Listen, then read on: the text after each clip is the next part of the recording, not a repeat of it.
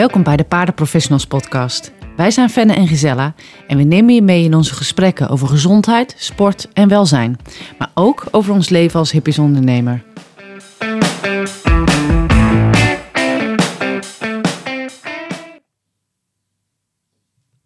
In een eerdere podcast hebben we het gehad over de preventie van blessures. Want ja, dat lijkt eigenlijk, denk ik wel vanzelfsprekend, dat niemand zit te wachten op een blessure. Dus toen hebben we het heel uitgebreid gehad over um, hoe kun je zo'n blessure voorkomen. En kwamen toen tot de conclusie dat je het lang niet altijd kunt voorkomen, maar dat je wel een heleboel kunt doen in trainingen, management en dergelijke, om te voorkomen dat je paard geblesseerd raakt. En uh, vandaag gaan we het eigenlijk hebben over ja, de gevolgen van een blessure. Waarom moet je er eigenlijk ten alle tijde ja, alles aan doen, of zoveel mogelijk aan doen, om ervoor te zorgen dat een blessure wegblijft of dat die niet ontstaat, zeg maar. Ja, de gevolgen zijn natuurlijk ook niet mals. Uh, over het algemeen zijn het negatieve gevolgen, met een enkele positieve. Dus ja, ik denk dat het heel goed is om, om die gevolgen even in kaart te brengen. Mhm. En uh, er bewust van te zijn wat gebeurt er na een blessure? Wat staat er te wachten? Wat gebeurt er in het lijf? Wat, wat doet het met een eigenaar of een, ruiter? Ja. Uh, wat is voor jou het allereerste wat in je opkomt als een gevolg van een blessure? Het zijn eigenlijk twee dingen waarbij het eerste altijd is waar ik aan denk, dat is het paard zelf. Want een blessure betekent dat er iets stuk is, iets kapot is, er is weefsel beschadigd. En dat gaat altijd gepaard met pijn en ongemak. En mogelijk ook uiteindelijk beperking in beweging en dergelijke. Nou, dat is voor een paard gewoon niet fijn. Dat wens je paard niet toe. Ehm, dus ik denk dat we het aan onze paarden verplicht zijn om te proberen. Ook al willen we ermee sporten en kun je niet alles vermijden, maar om te proberen uh, blessures voor te blijven. Ja. En dan hebben we nog een ander punt, en uh, nou, daar zijn we denk ik ook wel over eens, is dat wat er in het weefsel gebeurt. Want in dat weefsel gebeurt ook heel veel. Dus als we even gaan naar een peesblessure. Uh, ja, jij krijgt ook vaak paarden met peesblessures op stal. Als we dan in dat been gaan kijken, dat kunnen wij niet, maar een dierenarts kan echoen. Um, dan zie je dat er een onderbreking is van die mooie gelijkmatige structuur van dat peesweefsel, waarbij je dus witte of grijzige streepjes ziet op die echo. En op een bepaalde plek zie je dan dat dat wat donkerder is. Dus uh, daar zitten minder peesvezeltjes, zeg maar. Ja. Um, en nou ja, dat is niet hoe het hoort. Zo'n pees hoort helemaal gelijkmatig van structuur te zijn. Dus dat kan dan duiden op een blessure. Um, en uiteindelijk is het lichaam gelukkig wel in staat om dat gat weer te vullen, zeg maar. Uh, in eerste instantie is er sprake van pijn en van zwelling. Soms heel goed zichtbaar, soms overigens niet. Nee, dus klopt. Um, wees daar wel alert op. En dan gaat het lichaam een fase in waarin dat gat weer opgevuld gaat worden met weefsel. Alleen dat is nooit meer het oorspronkelijke weefsel. Nee. Dus het lichaam kan niet regenereren. Dus het wordt niet helemaal zoals het was. Um, nou, dat, dat duurt een hele periode. Het lichaam gaat daar direct mee aan de slag. Maar uiteindelijk duurt dat een periode van weken tot zeker een heel aantal maanden voordat zo'n gat helemaal gedicht is.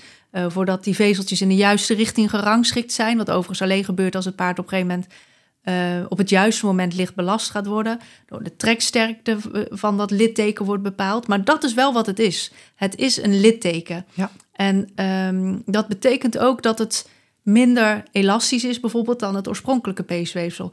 En dat maakt dat de kans op een recidief, op weer een blessure in datzelfde gebied, is dat niet bij dat littekenweefsel dan wel net erboven of eronder bijvoorbeeld. Ja. Die kans is best reëel. Um, dus het wordt nooit meer helemaal zo goed als het was. Dat wil niet zeggen dat het niet functio functioneel kan worden. Maar we moeten er niet te makkelijk over denken van... er gaat iets stuk en we geven hem tijd en we laten hem behandelen... en het wordt weer helemaal zoals het was. Nee, het blijft een zwakke plek. Ja. He, dus dat... En ik zeg altijd, daar waar een blessure is... daar volgt altijd een revalidatie. Ja. En natuurlijk kan dat niet altijd op een revalidatiecentrum... Um, maar de revalidatie vraagt nogal wat van het paard en van de eigenaar. Ja. Um, maar zonder een goede revalidatie herstelt het paard niet goed en is de kans op blijvend ja, letsel eigenlijk, of niet meer terugkomen op het niveau wat het eerst had, of heel veel littekenweefsel, of misschien wel het niet echt goed kunnen herstellen van bijvoorbeeld een peesblessure. Ja, die kans is veel groter op het moment dat een revalidatieperiode niet goed verloopt. Ja. Uh, als we het hebben over peesblessures, dan is gecontroleerde beweging eigenlijk een soort van keyword. Ehm, want piekbelastingen kan, mag een pees op dat moment niet hebben. Dus een piekbelasting is bijvoorbeeld op het moment als een paard een, in één keer een andere sprong maakt of in één keer wegrent, waardoor die, die pees eigenlijk even snel op rek komt. Daar Ja. zit schade, dat wil je voorkomen. Ja. Dus het is nodig dat het paard zich rustig houdt en gecontroleerd eigenlijk de, de beweging opbouwt. Ja. Lukt dat niet, ja, dan wordt het een heel lastig verhaal om dat paard terug te brengen op het oude niveau. Ja, want het is best wel verraderlijk, hè? Want op een gegeven moment is die fase van zwelling en pijn en kreupelheid is weg. Alleen op dat moment eh, is dat lichaam weliswaar bezig om dat gat op te vullen. Alleen het is net als een wondje waar een Ja, heel dun korstje of heel dun nieuw huidlaagje op komt. Dat hoef je maar één keer te stoten en het is weer stuk. En dat Ja. is wat er bij die uitspattingen klopt helemaal. Ja, dus ehm, waar vroeger nog wel eens gezegd werd: eh, gooi ze maar op de wei en kijk over een half jaar maar weer. Dat hoor je nu eigenlijk nooit meer. Tenzij in hele specifieke gevallen dat ze echt zeggen van nou, we hebben van alles geprobeerd. Zet hem maar gewoon eens even een half jaar op de wei en kijk dan maar weer eens. Maar in principe is dat geen goed idee, omdat je dan elke keer die piekbelastingen hebt. Ehm, dus het, het is heel belangrijk om eh, dat stap voor stap te doorlopen en op het juiste moment de volgende stap te maken.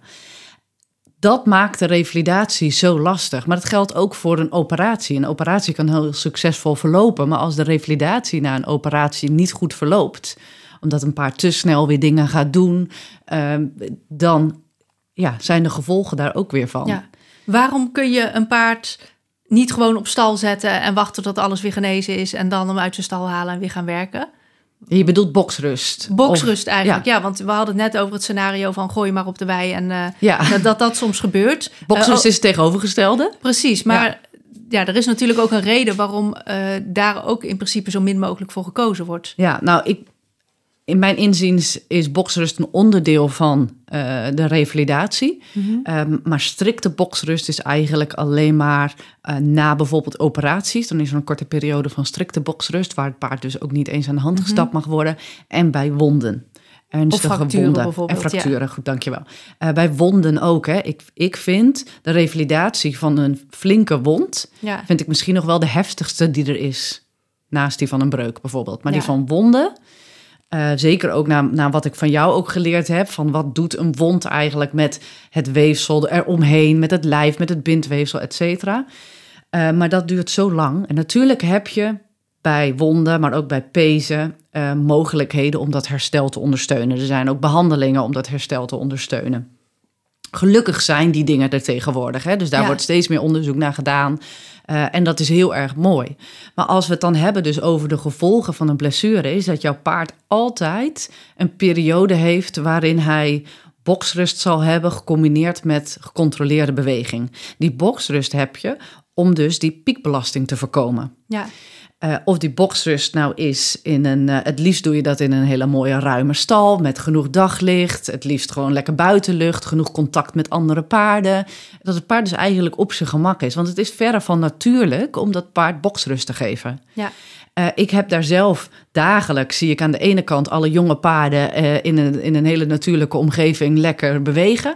En aan de andere kant zie ik paarden die ik eigenlijk eh, in gecontroleerde beweging aan het opbouwen ben. ja, Eh, dus mijn taak is om dat paard zo eh, goed mogelijk te begeleiden eigenlijk in die periode en ze van de natuurlijke behoeftes te voorzien.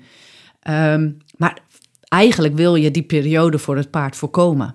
Kijk, dat wij het bij ons thuis dan redelijk goed kunnen doen voor bijna alle paarden, zijn mensen ook, staan ze op pensionstallen, staan ze op maneges, waar dat paard ontzettend veel stress gaat ervaren van die revalidatieperiode. En dan zijn de gevolgen nog veel groter. ja, Eh, in een andere podcast hebben we het gehad over stress. Wat doet stress met het lijf? Het paard kan ziek worden, het, het weerstand gaat naar beneden, ze vermageren.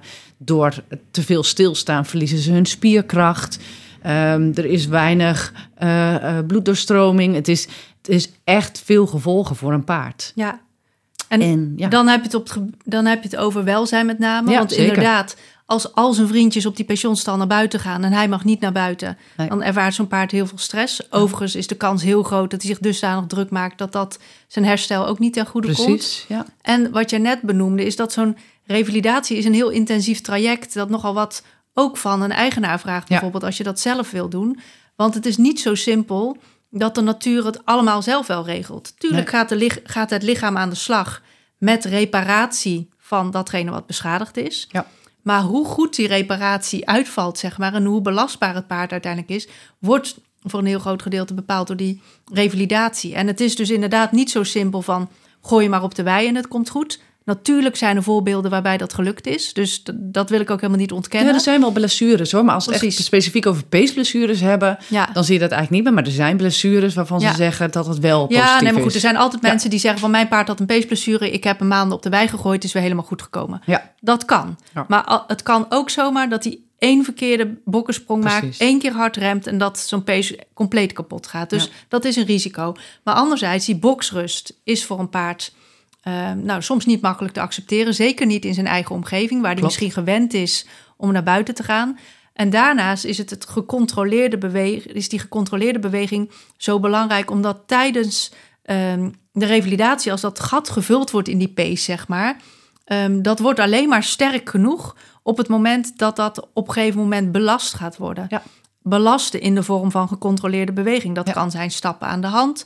Dat kan zijn uiteindelijk bijvoorbeeld aquatraining. Ja. Nou, jullie zijn daarin gespecialiseerd. Het is bij jullie rustig op stal. Dus Ja. ik denk dat de paarden de boksrust bij jullie op stal in ruime boksen, waarbij ze naar buiten kunnen kijken, eh, zonder dat er constant allerlei onrust is op het bedrijf. Dat accepteren Dit- ze dat op een lopen ze goed. prima. ja. Hè? Ja. Maar dat geldt niet voor ieder paard Nee. onder alle omstandigheden. Dus Nee. op het gebied van welzijn betekent dat veel voor het paard.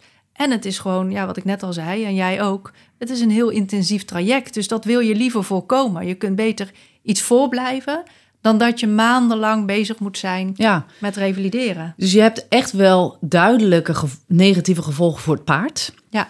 Die we net al even genoemd hebben. Maar ik denk dan ook voor de eigenaar. Want ik zeg altijd, elk paard dat bij me komt heeft een eigenaar. Dat klinkt logisch. Maar ik bedoel daarmee dat ik ook wel eh, veel eh, waarde hecht aan het eh, contact en het ondersteunen van de eigenaar. Ehm, eigenlijk 9 van de 10 gevallen is het emotioneel voor de eigenaar. Dus zeker op het moment als het paard dan naar ons toe brengen, want dat is dan al helemaal zo'n hele stap. Ja, je geeft zo'n paard uit handen, Ja. ook al doe je dat met de beste intenties. En Dus dat maakt het natuurlijk emotioneel. Ehm, eigenaren of ruiters voelen zich vaak ja, toch een stukje verantwoordelijk voor die, het ontstaan van die blessure. Van, ja, hoe, heeft het kunnen hoe heeft het kunnen gebeuren? Had ik het kunnen voorkomen? Want op het moment als het dan zover is, ja, dan kan je niet meer terug. Overigens vind ik dit, deze eigenaren al wel sieren. Want er is nu ook nog altijd een groep die gewoon roept van... ja, we hadden gewoon pech en eh, nou ja, die hoopt wel dat het paard weer herstelt om weer te kunnen sporten. Maar ik vind het al heel mooi als je er als eigenaar of ruiter over nadenkt... Ja. hoe je dan zo'n blessure, nou ja, die blessure had kunnen voorkomen... maar zeker in de toekomst misschien eh, blessures kan voorkomen. Eens, en ik denk dat ik heel veel met de eerste groep eigenaren te maken heb. Ja, Omdat ik die eigenaren die bij mij komen met hun paard, die gaan heel bewust om met de revalidatie en willen daar het beste uithalen om te zorgen dat het paard zo goed mogelijk herstelt en zo goed mogelijk op het oude niveau eigenlijk terugkomt. Ehm, dus die, die eigenaren, eh, voor hen is het emotioneel, er worden vaak tranen gelaten. ehm, eh, en aan ons de taak om ze eigenlijk mee te nemen en eigenlijk eventjes die, toch die zorgen uit handen nemen. Want een, een paard, een eigen paard dat geblesseerd is, eh, geeft enorm veel zorgen voor het paard. Je Ja. krijgt als eigenaar in één keer de taak om dat paard te gaan helpen. Om hem dus eh, die rust te geven, om hem gecontroleerd te bewegen. Als dat allemaal niet lukt, door omstandigheden, bijvoorbeeld zoals een drukke stal, eh, dan voel je je eigenlijk ja, eh, dat het mislukt. ja. Ehm, dus die verantwoordelijkheid die eigenaren voelen, dat, dat gaan ze op een gegeven moment niet meer aankunnen. Zeker niet als ze ook nog een baan hebben, fulltime baan of een gezin. En ze kunnen het niet bolwerken om ook nog twee keer per dag naar hun paard toe te gaan. Ze zien hun paard ongelukkig worden, ze zien dat het paard gestrest is. Allemaal dingen opeenstapelen. Dat is denk ik, maar we willen dit helemaal niet. Nee. Nou, door dat eigenlijk even uit hand en- handen te nemen, ge- geven we eigenlijk bij die eigenaar een stuk rust. Maar dit wil je natuurlijk ook gewoon voorkomen, want dit is een gevolg van een blessure die er altijd is. De stress bij de eigenaar. Ja, Ehm, en ja, ik vind dat, dat het dus aan de ene kant welzijn voor het paard, maar ook voor de eigenaar En dan hebben we het dus over de zorgen, maar dan hebben we het nog steeds over het financiële plaatje. Ja, want begin alleen al met het stellen van een diagnose, wat Ja. natuurlijk een eerste stap is. Ja, daar begint het eigenlijk altijd mee. Ja, Ehm, dus dierenartskosten. Dierenartskosten inderdaad, soms operaties, eh, behandelingen. Want behandelingen zijn tegenwoordig echt wel goed en kunnen het herstel enorm bevorderen. ja. Eigenaar hebben wel altijd de keuze om dat wel of niet te doen. Eh, dus mijn tip ook is om dat heel goed met de kliniek te bespreken. Hè, van eh, wat, eh, wat doet het precies? Heeft het echt de toegevoegde waarde? Want de ene persoon zegt: Ik doe alles wat maar mogelijk is om het paard zo goed mogelijk te revalideren. En die doen bij wijze van spreken alles wat, wat maar binnen de mogelijkheden ligt. Maar ja, het financiële plaatje moet je ook in ogen houden. Dus eh, het, het kan zijn dat je zegt, ja, het is heel leuk die stamceltherapie of die PRP-behandeling. Maar ja, het, het gaat al, tikt allemaal wel behoorlijk aan. Ja. Of een operatie. Laat staan dan, dan nog de revalidatie. Dus de eh, revalidatie van een paard is een heel intensief traject. En dat maakt dus ook dat het een duur traject is als je het uit handen geeft. Ja. Eh, dus dat is iets om ook bij stil te staan. Dat als je paard geblesseerd is, dan volgt er altijd een revalidatie. En die revalidatie kost tijd en geld. En zorgt voor stress bij het paard en bij de eigenaar. ja, dus een, een blessure is ook gewoon duur. En Ja, zeker. Je hoort ook wel eens mensen die eh, nou ja, alles zelf doen. Die houden het paard gewoon thuis of op de normale stal. Maar realiseer je ook dat die kosten die je maakt iedere maand voor dat paard... die maak je nog steeds, terwijl je er op dat moment eigenlijk niks mee kunt doen. Tenminste, je kunt er niet mee sporten. Natuurlijk kun je zo'n paard aandacht geven en poetsen en, en noem maar op. Ja. Maar die kosten die tellen ook mee. Als je een half jaar lang niks met een paard kunt doen... maar wel alle normale maandelijkse kosten lopen door... dat is toch ook al wel weer een behoorlijk bedrag dat je kwijt bent... zonder dat je nou, echt plezier hebt. Op dat moment heb je met name zorgen om je paard. Ja, je hebt geen plezier meer op dat moment. Nee, nou ja, Nee. kijk, op het moment dat je voelt dat het de goede kant op gaat... en je haalt ook plezier uit het gewoon eh, aandacht besteden aan je paard... Dan, kan dat wel weer terugkomen. Alleen dat zijn ook wel kosten die altijd meegenomen moeten worden, denk ik. Dat Ja. Een paard kost altijd geld. En als je er dan helemaal niks mee kunt doen... behalve En het ervoor zelfs en- even extra geld kost. Precies, ja. Want het zijn niet alleen de dierenartskosten, het kan ook speciaal beslag zijn, bijvoorbeeld. Ja. Eh, een fysiotherapeut, een osteopaat. Ja. Eh, misschien als je een paar maanden niks heeft gedaan, past je zadel niet meer helemaal goed. Ja. Dus dat tikt best wel aan. Nou ja, da- dan kom je eigenlijk bij de compensaties. Ehm, compensaties is, is een heel belangrijk begrip. Nou ja, zo, dat kan jij beter zeggen in het lichaam, zowel van Mhm. mens als bij een paard. Paard is een, een koning in compenseren, zeggen we vaak. Maar zeker in de revalidatie. Door dus die pijn van een blessure gaat het paard compenseren. Soms ontstaan blessures door compensatie. Ehm, dus het is zaak om in, die, in de revalidatie, eigenlijk voorafgaand, om te voorkomen, Mhm. ga je dus, dat hebben we in een andere podcast ook benoemd, hè, van zorgen voor dat er compensaties weggehaald worden, dat je paard zo goed mogelijk Ja. bewegingspatroon ontwikkelt.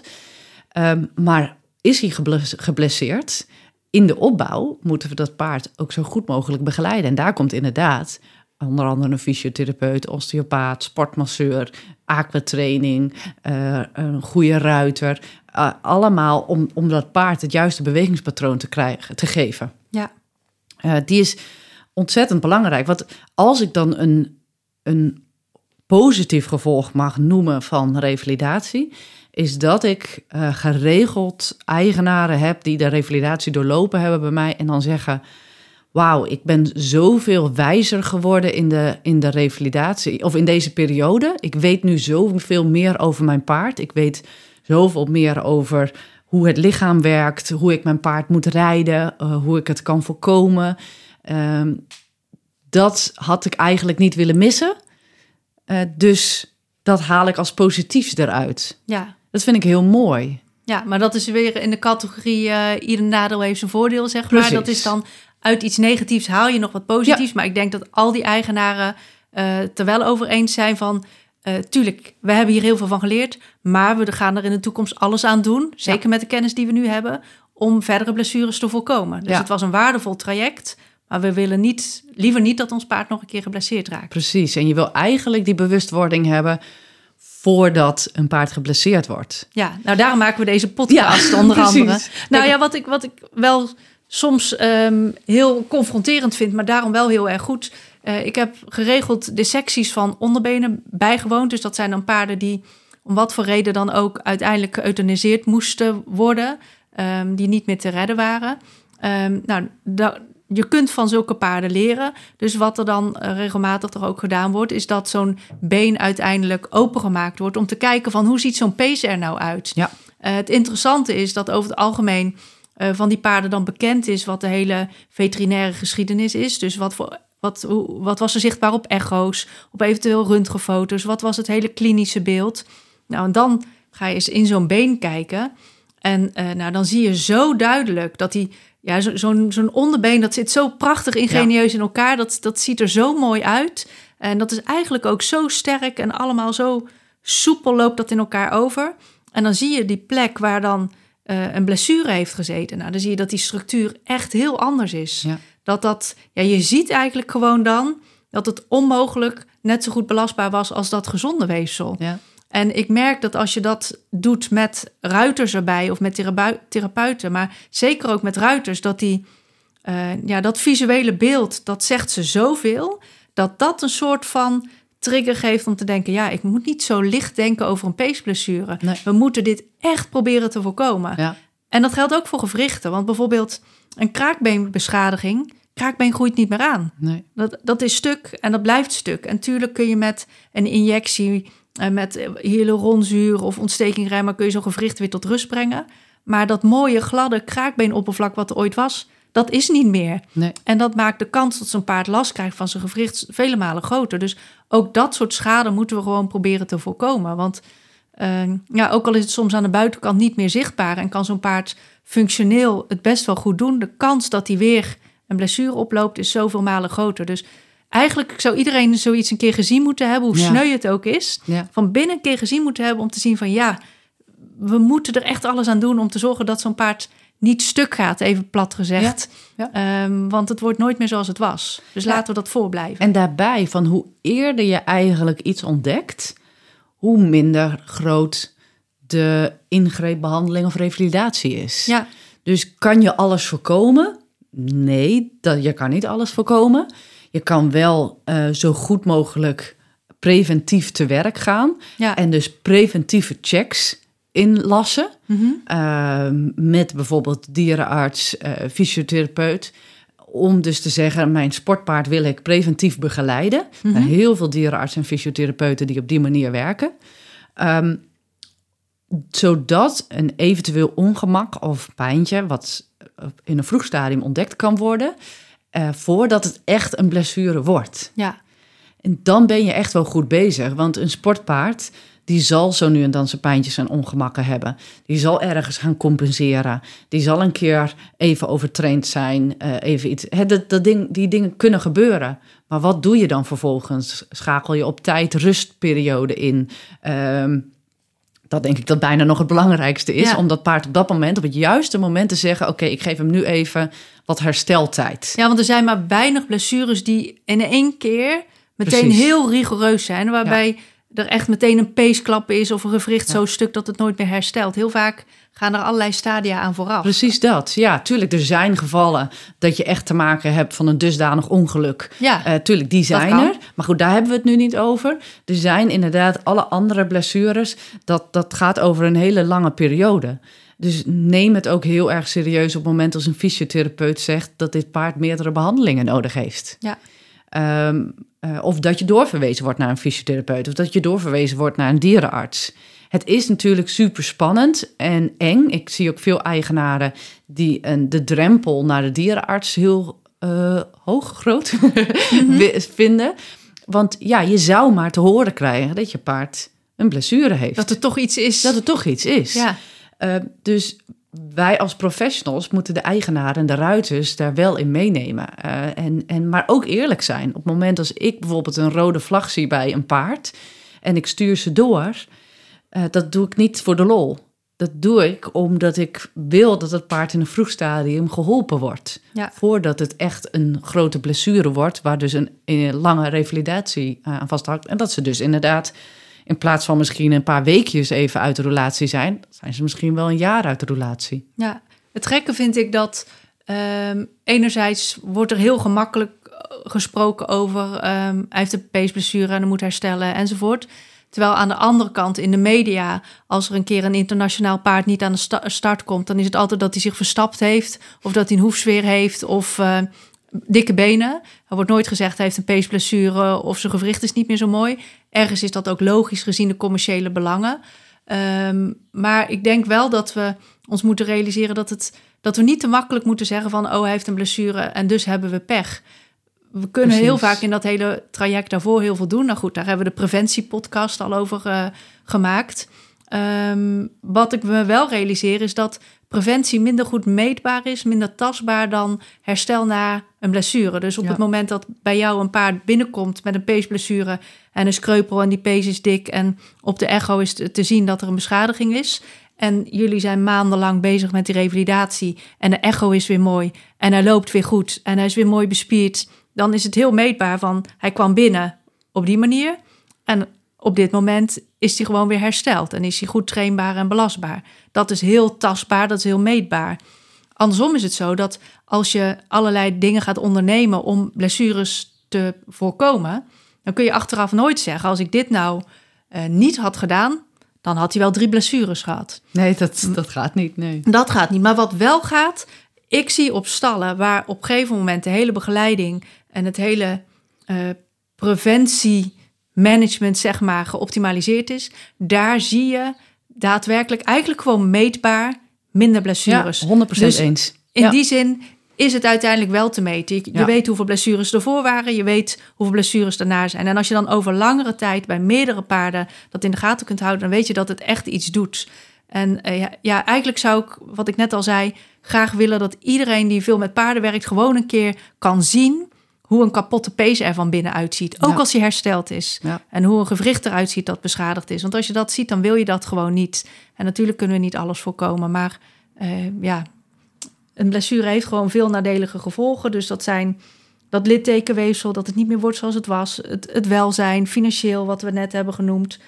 Ook de lange termijn gezondheid wordt vaak wel, komt in het geding uh, door blessures. Maar een goede revalidatie kan vaak nog wel een hoop eh, betekenen natuurlijk voor het paard. Toekomst van de carrière, hè? Ja. Dus uh, daar waar je uh, enorm hoge doelen kan hebben... kan een blessure daar toch echt roet in het eten gooien. Ja, absoluut. Want de kans dat een paard niet dat, uh, dat niveau gaat halen is aanwezig. Ja. Um, het vraagt na de revalidatie echt wel management. Ja. dus het heeft eigenlijk voornamelijk negatieve gevolgen... met die ene positieve die je eigenlijk eerder kan zeggen uh, dat er bij elk nadeel wel een voordeel is. Maar dat is dan omdat we hem zo graag willen noemen. Maar daarvoor zou ik niet zeggen. Hey, dat kan je ook in een preventief stadium. Uh, kan je meer leren over je paard en anatomie en alles. Dus ga op zoek naar de, de trainers, de begeleiders, de, de, de specialisten, de dienstverleners die jou uh, kunnen helpen het paard zo fit mogelijk te krijgen. Ja. Voor mij is overigens niet de oplossing dat we helemaal niet mogen sporten met een paard. Of dat een paard niet op hoger niveau zou mogen lopen. Nee. Overigens is het, is het wel zo dat hoe meer je gaat vragen, hoe groter misschien het risico is dat een paard een blessure oploopt. Maar mijn ervaring is vaak wel dat bij die paarden de begeleiding en het hele management dusdanig goed voor elkaar zijn. Uh, dat de kans dat die een blessure oplopen soms nog wel minder is uh, dan bij iemand die ook heel fanatiek bezig is, maar niet op dat hoogste niveau. Maar ook niet met de begeleiding die nodig is voor een topsporter eigenlijk. Nou, eens. Kijk, op het moment uh, uh, dat je bijvoorbeeld in het Nederlandse team zit, ik weet dat dat voor bepaalde uh, disciplines, maar voor een selecte groep bereikbaar is. Maar ik heb dat wel meegemaakt, dat je dan natuurlijk automatisch de begeleiding krijgt ja. van goede dierenartsen, fysiotherapeuten, et cetera. Um, maar ook die, dat niveau daaronder, dat je het eigenlijk een soort van zelf moet doen. Ja, uh, ja dan, dan neem het dusdanig serieus. Uh, net zoals je eigen lichaam serieus neemt, moet je het paard ook daarin heel serieus nemen. En uh, het juiste team om je heen creëren. Zodat je de kans op blessures zo mogelijk verkleint. Ja, en soms wegen er natuurlijk wel diverse belangen mee. Dus als jij je hele leven gedroomd hebt van die ene wedstrijd en je paard is niet helemaal goed. En er kan nog even een behandeling gedaan worden die misschien wel toegestaan is uh, qua doping of wat nog net past qua termijn. Ehm, dan kun je natuurlijk zeggen van nou, ik laat mijn paard toch nog even inspuiten of toch nog even dit doen, want ik wil zo graag naar die wedstrijd toe. Ja. Maar de kans is dan wel groot eh, dat hij dan alsnog uitvalt. Dus het is ook vaak wel een, een lange termijn visie voor ogen houden. Dus Ja. een revalidatie of een blessure kost altijd veel tijd. En als je ga, wil gaan voor een shortcut, voor een snelle oplossing, dan is de kans heel erg groot dat die blessure in een ergere versie alsnog terugkomt. Nou, het is goed dat je dat of zegt. een andere structuur Ja. aangedaan Ja. raakt. hè. Dat kan Ja. ook. Nou ja, stel het, belang van het paard altijd nog wel boven je eigen. Ja, Eh, en dat is heel lastig. Ik denk dat we ook wij wel eens in een situatie terecht zijn gekomen dat je denkt: oké, nu moet ik een keuze maken. Ik wil dit heel graag, maar mijn paard is er niet klaar voor. ja. Om wat voor reden dan ook. Dat zijn daar, dat, dat, daarin moet je een volwassen keuze maken. ja. eh, met het belang van het paard en het welzijn van het paard voorop. Maar daar heb je ook wel een team voor nodig met kennis en ervaring. Want als ik topsportpaarden begeleid, ja, altijd als je een paard nakijkt, dan vind je wel iets. Ja. Net zo goed als dat je dat bij mensen ook zou doen. Je vindt altijd wel een vorm van asymmetrie, een klein pijntje hier of daar. Ik bedoel, dat hebben jij en ik, terwijl we hier gewoon in Ja. een stoel zitten, hebben dat ook. Ja. Ehm, en dat wil niet gelijk zeggen dat zo'n paard geen prestaties kan leveren of dat je dat er niet van mag vragen. Alleen je hebt wel iemand nodig of een team nodig die kan bepalen van oké, nu is het wel reëel. Nu kan hij deze prestatie leveren ehm, zonder dat hij in principe geblesseerd raakt. Je kunt er nooit uitsluiten. Of een team dat zegt van nou ja, als je er nu mee gaat rijden, dan wordt de kans toch wel heel groot dat hij geblesseerd uitvalt. En dan moet je gewoon zeggen nee, dat doen we niet. Nee, Ehm, maar wanneer je zegt van nu mag die starten en nu is het niet verstandig, ja, dat is kennis, dat is ervaring. Eh, en daar heb je de juiste mensen voor nodig om je heen. En dan is het ook aan jou als ruiter, als je ruiter bent, om daar ook wel naar te luisteren. En weet ook, nou ja, dat lijkt ik eigenlijk wel een beetje een maar weet ook wel dat dat soort momenten heel vervelend zijn, maar dat er vaak wel een mooie, vaak mooiere momenten dan in de toekomst liggen. Ja, Dus het missen van een hele gave wedstrijd die je heel graag wilde rijden, voelt op dat moment echt heel erg vervelend. Eh, daar mag je ook echt wel even verdriet van hebben. Maar weet dat, eh, dat er altijd weer iets moois in het verschiet ligt. En dat je dan bijvoorbeeld een kans krijgt om een bepaalde wedstrijd te rijden. En misschien dan nog wel een veel betere prestatie neerzet. ja, Ehm, maar dat is ervaring om te weten van, oh wauw, dit, dit is nog mooier dan die ene wedstrijd. Puur omdat ik gekozen heb voor het paard. ja. Nou ja, dat kan. En dat is heel mooi als iemand die beloning krijgt in die vorm. En soms is het gewoon heel zuur. Is het iets wat je heel je leven hebt gewild. En als je dan moet kiezen en je, je kiest voor het belang van het paard. eh, ja, dan kan het zijn dat je moet zeggen: Ik wilde dit heel graag, maar Ja. we gaan niet. Want dan is de kans dat hij geblesseerd raakt gewoon heel groot. Ja. Dat is ook gewoon werken met dieren en uiteindelijk hun welzijn echt heel serieus blijven nemen. En dat is bij humane sporters natuurlijk niet anders. Hè? Als Nee. we echt kijken naar de topsport bij mensen, hoe nauw het allemaal komt. En dan hebben we het echt even over het hoogste niveau, eh, de, de prestaties. Eh, als een sporter niet helemaal fit is of die heeft een kleine blessure, ja, dan wordt, wordt hij teruggetrokken. Ja, Dan gaat hij niet aan start komen. Dan heb ik op een of andere manier schaatsen in het voorhoofd, maar daarom zeg ik aan start Ja. komen. Ehm, maar dat, dat is natuurlijk ontzettend belangrijk. Eh, en nogmaals, wat ik eerder zei, je kan beter op tijd een stap terug doen, zodat je een paar weken bijvoorbeeld even uit de running bent, ja. dan niet op dat moment een stap terug doen en maanden, misschien nog wel een jaar uit de running zijn. En- met is- alles gevolgen die we net Ja. noemden. Dus kies dan niet even voor die snelle spuit, waardoor die weer loopt en toch dat ene Nee. concours kan rijden. Maar zeg nee, we gaan dit tijd geven, we gaan dit even op de goede manier begeleiden. Dan ben je misschien met een paar weken gewoon weer heerlijk aan het rijden. Ehm, en voorkom je erger. Ga je dan Ja. wel door en die blessure die verergert, ja, dan ben je misschien wel maanden of in sommige gevallen nog veel langer uit de relatie met je paard. En wat ook nog wel in me opkomt, en dat hebben we het ook wel over in een andere podcast, is kijk naar je paard als geheel. Hè? Dus Ja, ehm, ehm, op het moment als er iets kleins boven water komt, dan, dan ga altijd even heel goed na, eventueel samen met je team, van oké, eh, kunnen we dit herleiden? Eh, is het heel erg op zichzelf staand of heeft het andere eh, verbindingen ergens in het lijf? ja, Eh, probeer constant eigenlijk zo naar je paard te kijken. Eh, dan leidt dat uiteindelijk tot het meest fitte paard. En dus ook de beste prestaties. ja. Nou, wat ik ook nog eventjes eraan toe wil voegen. Ik doe veel sportpaardenbegeleiding. En eh, dan behandel ik ook geregeld paarden voordat ze naar een grote wedstrijd moeten. Ja. Maar wat ik ook geregeld doe, is die paarden behandelen of nakijken als ze terugkomen. Ja. En dat geeft ook hele waardevolle informatie. Want dan kun je zien van hoe hebben ze deze belasting doorstaan? Ja. Zijn ze nog in orde, ja of nee? Ehm, zijn ze goed regelmatig? Zijn de benen in orde? Eh. Qua spieren, wervelkolom enzovoort. En waar nodig kun je ze op dat moment helpen. Maar dat daarmee houd je heel erg vinger aan de pols, zeg maar. En als er dan wel sprake is van een kleine beschadiging of wat dan ook... Ja, dan heb je ook weer de tijd, zeker zo direct na een concours... om dat in gang te zetten wat nodig is voor het optimale herstel van een paard. Ja. Dus dat is ook weer gewoon je management tijdig die paarden laten checken. Want in plaats van dat je dan twee dagen een beetje rustig aan doet en gewoon weer vol gaat rijden, zeg je dan van nee, eventjes pas op de plaats, even rustig aan, eh, intensiteit van de training terugschroeven.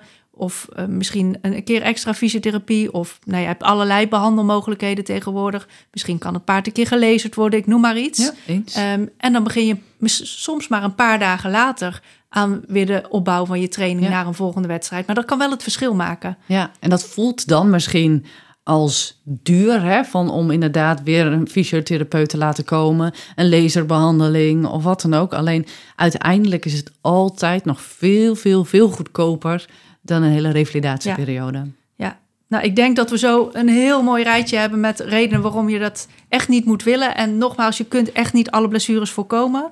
Maar we kunnen wel veel voorkomen. En denk niet te makkelijk van, nou, hij is geblesseerd en eh, hij herstelt wel weer en dan gaan we gewoon ver- weer verder. Waar je kunt proberen te voorkomen. Eh, want eh, nou, er zijn genoeg redenen om, om daarvoor te kiezen. Super, dankjewel. Bedankt voor het luisteren naar onze podcast. Je kan ons volgen op Instagram en Facebook onder Fenna en Gisella. Je kan ook natuurlijk onze bedrijven volgen. Lelemare Horses en Bartels Horse Health Instituut. Tot de volgende keer.